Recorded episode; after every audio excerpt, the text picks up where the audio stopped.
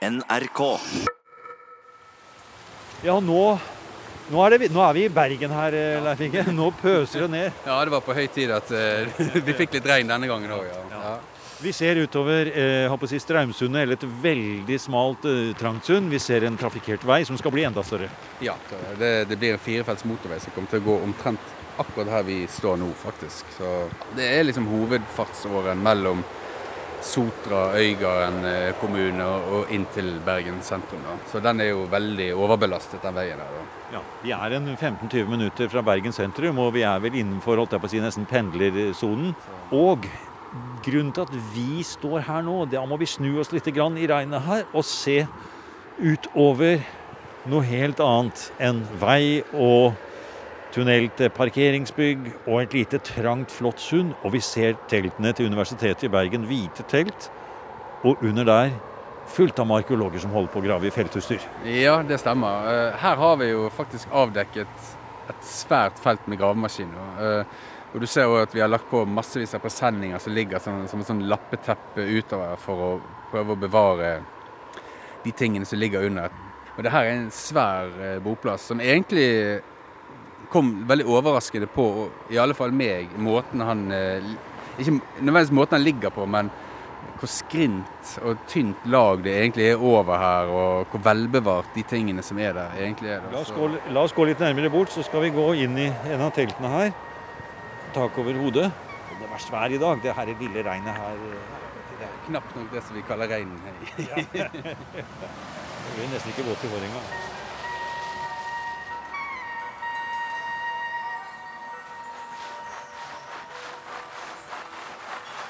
Vi er omtrent rett vest for Bergen, på en vei som skal bygges ut for 9 milliarder kroner, og som fører ut til øykommunene Fjell, Sund og Øygarden. Der ligger den langstrakte Sotra som ytterste barriere mot havet. Og innenfor er det hundrevis av små øyer, sund, holmer og lune viker. Og det har det alltid vært på disse trakter, sier arkeolog Leif Inge Aasttveit. Han er prosjektleder for Universitetet i Bergens store arkeologiske undersøkelse, som følger byggingen av Sotrasambandet. Der hvor det skal bli ny firefelt, tunneler og broer, der må arkeologene grave og undersøke. De finner mye steinalder, og særlig her hvor vi har stoppet nå, ved et av de trangeste sundene på hele strekningen, mellom Biltøy og Sotra. Vi befinner oss jo nå i eh, et typisk vestnorsk skjærgårdslandskap, kan du si, som har disse nord-sørgående sundene. Eh, som, som ligger mellom en myriade av øyer. Da. Og i de sundene er det jo klart at det er sterke strømmer. Og de strømmene har jo vært eh, veldig ressursrike da, på, på fisk, og selvfølgelig dyr som hører til lenger opp i næringskjeden, som har jaktet på disse her. Da. Så så det er veldig rike områder, dette her. da. Og akkurat området utenfor det kan jeg fortelle at eh, det kalles for Djupakjeldo. Og denne Djupakjeldo det er en sånn fordypning i, i bunnen her ute. Og den er jo kjent for å være en spesielt god fiskeplass. da. Eh, Blant de som kjenner til den. da. Eh, Og det ser vi jo på denne boplassen her. Vi finner jo vi har funnet veldig mye fiskebein her, da, eksempel. Så det har det jo vært, åpenbart vært en årsak til at de har hatt tilhold akkurat her. da. Og jeg har sett på, ja det må jeg si, er veldig flotte hjemmesider og ting dere har på Facebook. For sånn har det jo blitt nå med formidlingen av gravearbeider. I hvert fall dere som leder litt an i dette. Veldig flotte små filmer. Vi må nesten bare oppfordre publikum til å gå inn og se på de flotte tingene som dere har der. Blant annet en utrolig flott liten film, synes jeg, da. Om akkurat det som foregår her nede i moderne tid også. Nemlig hvalfangst. Ja. Eh, nå var vi så heldige at vi kom over et sånt eh, klipp som var i Filmavisen fra 1948. Eh, og det viser en eh, fangst av spekkhuggere eh, i sundet. Folk ved Brattholmen i nærheten av Bergen oppdaget nylig en flokk grindhval som kom svømmende innover mot øya. Etter noen timers jakt ble de sperret inne i Straumsund ved hjelp av nøter. Og jeg syns jo det er en eh, Det kan gi oss en liten pekepinn på hvordan ting har vært eh, tilba langt tilbake i tid, helt tilbake i steinalderen egentlig. For jeg ser jeg ser ingen problemer med at de har fanget hval på den tiden der òg. Jeg tror kanskje at det, denne årvisse Altså Vi må jo forvente at det har vært mye mer hval den gangen. Sant? At det her var noe som på en måte trakk gjennom sundet her til visse tider. Når, når spekkhugger eller nise jakter på sild og sånt, så er de jo på en måte kommer de veldig tett på land her. da. Og vi vet jo at de har hatt både kunnskap, teknologi og båter til å kunne fange disse dyrene. Da. Så jeg er rimelig sikker på at, at den fangsten har vært vesentlig for de folkene som har tilhør her. Og måten de gjorde det på, har jeg forstått av den flotte filmen vi har snakket om, det var at man på en måte nesten jaget inn hvalen, da. Ja, det er jo jage og stenge, på en måte. da. Uh, og de brukte jo nø, altså not, nøter den gangen. Uh, det, den film, det som den filmen viser. da, og, Men vi vet jo at, at de har flettet garn eh, langt tilbake i tid. da. Eh, nå har ikke vi funnet noe flettet garn i Norge fra steinalderen, men fra Finland f.eks., som har i en spesielt gode bevaringsforhold, så har vi funnet flettete garn som går langt, langt tilbake i tid. Langt inn i eldre steinalder. Og da går det an å låse den av her inne. på en måte. Og så vasser det noen ut ja, i vannet ja, ja. med et langt spyd. Med skarp flint på enden. Ja, flint og kraftige mottakere og, og kraftige tau som kan holde på disse her. Da, sant? Så det, det, Sånn ser jeg for meg at det kan ha vært. altså. ned, sa jo stad, det, er, det er sånn at når vi går rundt på et sånt felt, så hører vi da lyden av disse eh, arkeologiske skjeene. De skraper og graver og skraper og graver. Det er på en måte som et lite musikkstykke. Ja, det, for meg er det. Helt klart. Det er synd at den veien ødelegger så mye, men, eh, men, det er veldig fine lyder. altså. Det er helt klart. Innimellom der igjen så hører du små antydninger til jubel når det blir funnet. Ja, ja, ja, ja. Så det, det, er sånn det skal være. Det. Og, og her springer alle til? Ja, det, ja, da blir det litt sånn oppstuss. Etter hvert så har vi jo funnet så mye her at det, folk blir litt sånn blasert, kan du si. Da. Vi står midt ute på en liten beitemark ikke så mange meterne fra fjæra i Billøystraumen. Kontrastene er store, med bilvei like ved, og over oss helikoptrene som går til og fra oljeplattformene. Rett under oss ligger steinalderen. Og det er mange funn, ikke minst i noe arkeologer setter stor pris på, nemlig en flott kjøkkenmødding. På toppen av en liten skråning ligger de eldste sporene, og bare noen få meter nedover bakke ligger de yngste. Boplassene fulgte etter strandlinjen, som sank da klimaet endret seg og isen smeltet. Og det er en helt bestemt ting arkeologene ser etter når de skal avgjøre hvor lang tid det gikk før steinaldermenneskene flyttet seg fra ett sted og litt nærmere sjøkanten. Ja, det ser vi ut fra disse kulturlagene som blir dannet i områder som folk har oppholdt seg over lang tid. Og kan si at uh, Inne på denne flaten så kan vi jo egentlig kartlegge hele strandforskyvingsforløpet etter siste istid. Da. Altså På slutten av siste istid så sto jo sjøen langt oppe i marken der. Da. Altså veldig langt oppe. Ja, vi lar den fly over. Vi, vi, nå har det begynt å bli litt mørk himmel, og vi ser et stort helikopter som går der med landingslys og alt mulig. Så den går over. Det er nok ikke lenge før det braker løs med litt regnvær heller. Det vil ikke være, vil ikke være så noe nytt for oss. Det er ikke første gangen. Nei, det er ikke det. Nå ser vi flere av arkeologene går av sted. De skal finne sikkert regntøy eller noe annet. Eh, og det regnet jo mye steinhavn også, vi har blitt enige om, så selv om det var varmere og bedre vær. Der forsvant helikopteret, så vi kan få ørens lyd igjen. Og vi snakket altså om hvordan kulturlagenes tykkelse bestemmer ja. hvor lenge de har holdt det på ett bestemt sted, ja. før de flyttet seg litt nærmere ned mot vannet. Ja, eh, altså På slutten av siste istid så står jo sjøen eh, et stykke oppe i marken der oppe. Altså ca. 25 meter bak oss og høy, høyt eh, over havet, da, kan man si. Over dagens havnivå. Og så eh, er det jo dette trykket fra isen som, som letter. Og da da, da, stiger landet opp veldig hurtig. Da. Og da er det jo sånn at på, ja, på kanskje på under 1000 år så, så, går sjøen helt der oppe fra og helt ned til omtrent ned til dagens mm. oh, ja. eh, havnivå. Eh, det, det, tar rett og slett bare 1000 år? Ja, ja sant. Og, og 1000 år er jo, det er jo lang tid, men allikevel så har det antagelig vært sånn at folk har merket det fra generasjon til generasjon at, at sjøen har forsvunnet nedover. Ja. Og vi vet jo at folk på den tiden har jo vært veldig knyttet til sjøen, så de har rett og slett flyttet etter denne strandlinjen. Ja. Og da kan dere lese av hvor lang tid det tok på de forskjellige si, fasene. For denne, dette at eh, havet og landet beveger seg i forhold til hverandre, det, det skjer jo ikke i en sånn helt jevn bevegelse. Nei, det gjør det ikke. Og der har vi jo enorm hjelp i geologiske undersøkelser. For de driver jo borer i sånne ferskvannsbasseng som ligger i ulike høyder over havnivået i dag. Og de kan jo se når de har blitt isolert fra saltvannet. Sant? Så jo, vi har jo en enorm hjelp i det. For vi, det er jo det som gjør at vi egentlig kjenner så godt til denne endringen i havnivået. Sånn. Og det er jo det som skiller på en måte eh, Vestlandet eh, Dette landhevingsforløpet skiller jo på en måte Vestlandet fra f.eks. østlandsområdet eller eh, trøndelagsområdet, sånn, som har et helt annet eh, landhevingsforløp. Da, sant? En sånn boplass som ligger bak oss her, som er fra slutten av istiden, der, den ville jo lagt 220 meter over havet, kanskje, i Oslofjordområdet. Her ligger han på 25-30, da. sant?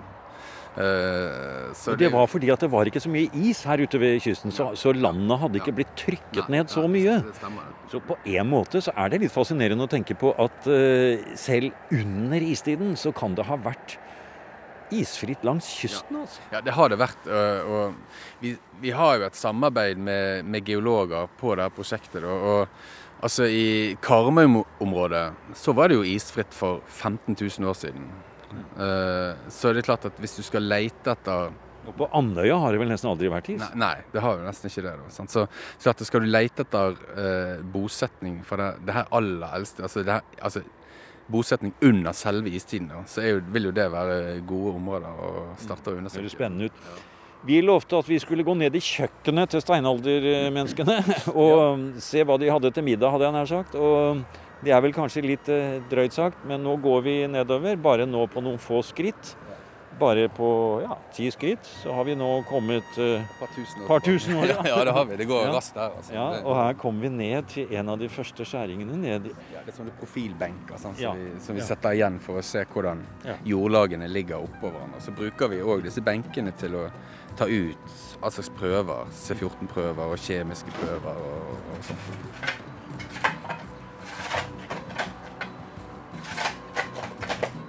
Gravemaskin, Kim. Ja, Ja. Kim, liker det når det endelig går unna litt på sist, nest siste dagen. Så er det greit å bare få det opp med spade. Liksom. Det er Kim Darmark som står og skuffer unna i kanten av en profil hvor en stor stein har ligget og skapt tvil om det arkeologene tolker som gulvet i et stort hus. Men nå er tvilen ryddet av veien, og man kan se helheten tydeligere. Og det er de minste ting som kan hjelpe med dateringen. F.eks. et nøtteskall. Eh, ja, vi har et veldig rikt fyndmaterial eh, som peker på senmesolittisk tid. Vi har en datering også i botten på det her kulturlagret på et nötskal, et hasselnötskal eh, som ligger på 4800 før Eh, så dat dateringen og fyndmaterialet stemmer veldig vel overens. Og faktisk overraskende nok så ser fyndmaterialet her ut til å være ganska rent från senare inslag, även om vi bara 15 meter bort har en betydligt yngre eh, boplatsyta eh, med keramik och, och sånt som inte fanns under, under senmesolitsk tid. Det, det är väldigt tydligt alltså, för vi ser också råmaterialsammansättningen skiljer sig helt här, där man är väldigt beroende av flinta, men också med inslag av kvartsit och kvarts. Och där nere, 15 meter bort, men flera tusen år senare, då är det skiffer och riolit och vi har ju många fina skifferspetsar. Och så keramiken naturligtvis som ett helt nytt material. Keramikk er jo en veldig spennende eh, gjenstandsgruppe for oss. Da, for det, det viser jo Altså, keramikk er ikke noe du bare begynner å lage sånn eh, av deg sjøl, holdt jeg på å si. Da? Altså, det er, de har fått denne kunnskapen fra et sted. Og det viser jo disse lange kontaktlinjene som har gått på denne tiden mot østover, sannsynligvis. Jeg tror jo at det kommer, eh, i alle fall fra Oslofjordområdet, når de her traktbeger eh, slår seg til der og begynner å dyrke jorden der, så er jo keramikk en helt vesentlig del av deres verden. Si, altså, det er klart at keramikk er ikke nødvendig å ha her på samme måte som det er i et rent jordbrukssamfunn. Så keramikk har sikkert vært en mer sånn eksotisk og litt sånn eksklusiv og litt sånn spesiell ting. på en måte. Ofte så har jo den keramikken sånn svart belegg på innsiden, og da kan vi jo gå inn og prøve å analysere og se hva som har vært tilberedt i disse karene, f.eks. Og, og ornamentikk ja, ja, var det noe sånn på det lille skåret, da? Ja, det har det vært. Eh, På de skårene som vi har funnet her, et stort, ganske stort ranskår, så ser vi at det er ganske kraftige sånne, det som vi kaller for matskorper. Da. Det som vi fant her, var jo et, sånt, et skår som var fra den øverste delen av det her karet. Da. Og ofte så er det der oppe ting er best bevart. Da. For finner vi disse bunn, bunnskårene, så er det ofte de har vært rørt mye rundt der og sånt, men akkurat oppe rundt munningen der, der sitter det ofte mye snadder igjen. Da. Så det, det er jo gull for oss, da. Så Og, og, og kanskje også spor etter utsmykking? ja, det har vi òg. Vi ser at det er en enkel ornamentikk. Den ene, det ene skåret vi fant, har jo sånn inntrykk av negler da, på en måte sånn rundt hele. Så en som har sittet og trykket. Og det er jo for 7000 år siden, så det gir jo en litt sånn nærhet på en måte til Og fingeravtrykk finner vi jo innimellom òg, og Det er jo veldig Det er jo veldig spesielt å finne 7000 år gamle fingeravtrykk. Da, da, da, da skjønner du liksom at det, det var faktisk folk der. Sant? Og folk må ha et sted å bo. Og kanskje et sted å komme tilbake til. Kanskje for sesongbaserte fiskerier i det trange sundet mellom Bildøy og Sotra. År etter år, i mange generasjoner. Og da må huset være mer enn et telt av skinn. Huset må ha faste vegger og tak. Det må bygges med kraftige stolper og være stort nok. Og kanskje er det funnet stolpehull som kan passe til et slikt tenkt stort steinalderhus. Det som vi oppdaget når vi kom under kulturlagret i dette området var att på jevne intervall så lå det store stenblokk i små ansamlinger. Mm. Og de her store stenene står på høy kant. Så jeg tror jo at det her handler om stolphål som eh, har, ja, definerer ytterkantene på denne byggnasjonen. Da. Og hvis det har vært et stolpehull som har så kraftige steiner rundt for å støtte opp en eventuell stolpe, så er jo det også med på å understreke hvor stort det huset har vært, da. Ja, åtminstone at, att det måste ha haft en veldig uh, stabil konstruksjon. konstruksjon ja. ja. Uh, Ja. Storleken på det här är ju kanske en fem gånger tre meter, fem gånger 4 meter. Mm. Eh, Og den er stor, ja. Det Ja. ser vi jo her nå. Det er et kraftig tre, det der. altså. Ja, det er veldig kraftige stolper som har stått der. Da. Så det syns jo vi er, Jeg syns det er veldig spennende altså, at vi, vi faktisk kan klare å, å, å finne en bygning, så kraftig bygning som har stått her da. Det er for så lenge siden. Det, Og taket var vel også tungt, da? For det var vel var det kanskje torv på det? Jeg vet ikke. ja, jeg vil tro at det var, sikkert var torv. Kanskje det var skinn under torv Ja. oppå. Eller, altså, det, det er jo vanskelig å si. For her i Bergensdistriktet må det jo være tett tak. Her må det være tett tak. Det er helt sikkert. Det, det, det har vi lært i sommer i alle fall.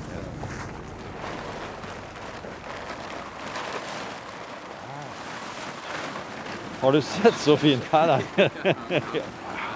Det er ikke alle som kan glede seg så mye om en gammel flyplass som arkeologer. Nei, det er sant. det. Her er jo eh, hovedsøppelplassen til de folkene som har hatt tilhold her oppe. Og her ser du at det er vel en, ja, en 30-40 cm tjukt, svart lag som ligger her. Og det som det her opprinnelig har vært, det har vært et belte av stor stein som har lagt akkurat i strandkanten. For hvis du ser her nede Går vi litt ned, jeg for møddingen. Her er vi helt nede i stranda. begynner veldig brått. Så, Ja. så når den her eh, eh, Og det er ren strand... Ja, sand. det her er ren strandgrus. Den er gule, litt Ja, sånn eh, ja. typisk sånn strandgrus. Så når denne bossplassen her var i bruk, så sto sjøen opp Ja, hit. Og det, det kan vi si helt sikkert. Vi, Ja. Og ut ifra geologi og sånn, så vet vi jo akkurat når på Altså, Det er høyvannsmålet som går ja, der. ja, det går der. Og så har det vært et belte av større stein som er lagt ut her, utover her. Og oppi det beltet så har de bare drevet og dumpet Nettopp. all slags søppel og Antageligvis har de fylt det videre utover her, men de har vannet tatt Ja. og skylt bort. Ja, og her ser du kanskje at de, Oi, se. Og tok du opp noe som var eh, menneskebearbeidet, kanskje? Ja, det tror jeg. det. Det her er et eller annet avslag. Og det her er jo en typisk ting som vi finner i, i disse møddingene. Det er jo avfall etter redskapsproduksjon. Det er avfall etter matrester og kull og bål og alt som de har dumpet oppi her. Og eh, når du får sånne kulturlagsopphopninger som er veldig kullholdige, så kan du finne bevart. For oss er jo det veldig viktig, da, for det gir jo en sånn indikator på Ja, På hva de har spist, selvfølgelig, men vi kan jo lese mye mer ut av det. sant? Det er jo noen fiskeslag og dyrearter som bare er her i visse deler av året. sant? Så hvis vi kan sette opp en hel artsliste og se ok, det er mye alke, eller det er geirfugl, eller det er forskjellige typer fiskeslag, og sånt, så kan vi jo tenke over hvor tid på året de har vært her. Det er jo et nitidig arbeid for å gå gjennom dette her. Men det vi ser, er at det er mye småfisk, naturligvis. Og så er det mye fugl, da. Ah. Og det er ikke så vanlig at det finnes så mye fuglebein i, i dette materialet. Så det har åpenbart vært en viktig del. Og fiskebeina òg tyder på at det har vært mye fisk av liten størrelse. Og hvis vi skal tippe Og da har de brukt garn, kanskje? Ja, Eller andre fangstmetoder? Det kan de ha gjort. altså. De, eh, hvis vi skal tippe fisketype, da, så er det vel sånn pale, som vi sier på ja. Bergen. Altså småsei, som er det det vi finner eh, som oftest på i de tilfellene vi klarer. Ja, vi er i kjøkkenet til de første bergenserne. Ja, ja. altså. ja på å fiske småpale. Ja, ja, ja. Nei, så... Det her skulle Ingrid Espelid Hovig ha De arkeologiske undersøkelsene langs traseen til Sotrasambandet vest for Bergen tar flere år og er blant de aller største utgravningene Fornminneseksjonen ved Universitetet i Bergen har stått for. Vi blir med prosjektleder Leif Inge Aastveit over på østsiden av Byltøy. Der kommer fundamentene til en ny stor motorveibru til å gå tvers over en annen steinalderboplass. Det som overrasket oss på denne boplassen, det er jo dette her veldig tynne torvdekket som ligger over. Du, hvis du husker for andre der, så har vi kanskje en 20-30-40 cm med, med, jord over de interessante lagene. Her er det snakk om kanskje 3-4-5 cm, så er vi rett ned på 6000-7000 år gammel bosetningsspor. Det, For det er jo sånn som det er oppe på fjellet? Ja, det er det. Det er akkurat det det er. Altså, det, det, her kunne vært På Hemsedalsfjellet? Ja, det kunne vært på Hemsedalsfjellet. På riksvei 55 ja, istedenfor 555? Ja, det kunne det. Det, det. det var veldig overraskende når vi så det her. Da.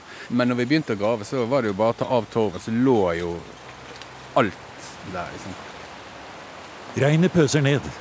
Men under de hvite teltene til Universitetet i Bergen holder akkurat arkeolog Kristine Tøssebro på å rense en profil i et dypsort kulturlag. Vi finner en del dyrebein da, bevart her, og det i seg selv er jo ganske unikt. Um, på en åpen boplass sånn som dette. Og vi ser faktisk små beinfragment stikke ut av profilen. Skal vi se hvis vi bare ser litt lenger her borte. Skal vi se her bitte små fragmenter av brent bein. Mm. Så ser du jo her borte ekstremt kullholdig mm. Ja, nå peker du ned i enden av en sånn sjakk der, og den er Ja, det, det er det mye. Skal vi åpne plastikken? Ja, skal vi gjøre det, eller? Ja, tøft. det begynte å regne sånn akkurat. Ja. Jeg skjønner. Der, ja. Nå tar du bort den litt. Og nå er vi helt i sentrum av uh, gulvflaten her. Og her er det ekstremt kullholdig i en sirkulær struktur, så her har ildstedet vært. Oh, her satt menneskene. Ja, nettopp. Men det som kjennetegner denne boplassen her, det var at det var kanskje ikke her veldig lenge? Uh, nei, altså det som kjennetegner akkurat dette området, er at det ligger i sånne eh, terrasser i forskjellige høyder ned mot havet. Sånn at du kan se for deg at i eldre steinalder så har sjøen stått opp på terrassen nedenfor her, og da har du hatt bosetning her oppe. I eldre steinalder.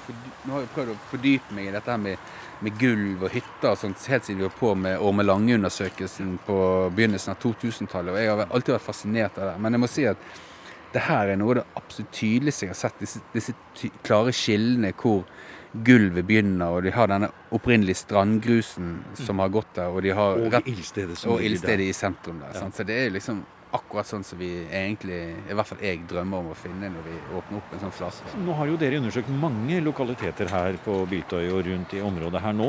Eh, hvor tett befolket var det her?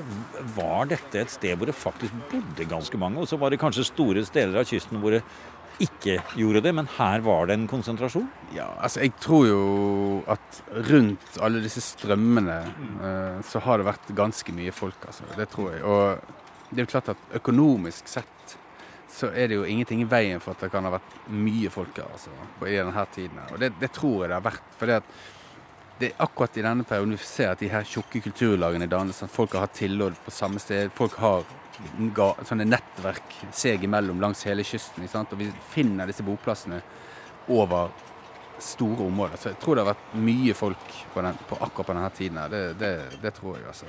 Og på den samme tiden var det kanskje ikke akkurat så mange som bodde inne der som Bergen ligger nå?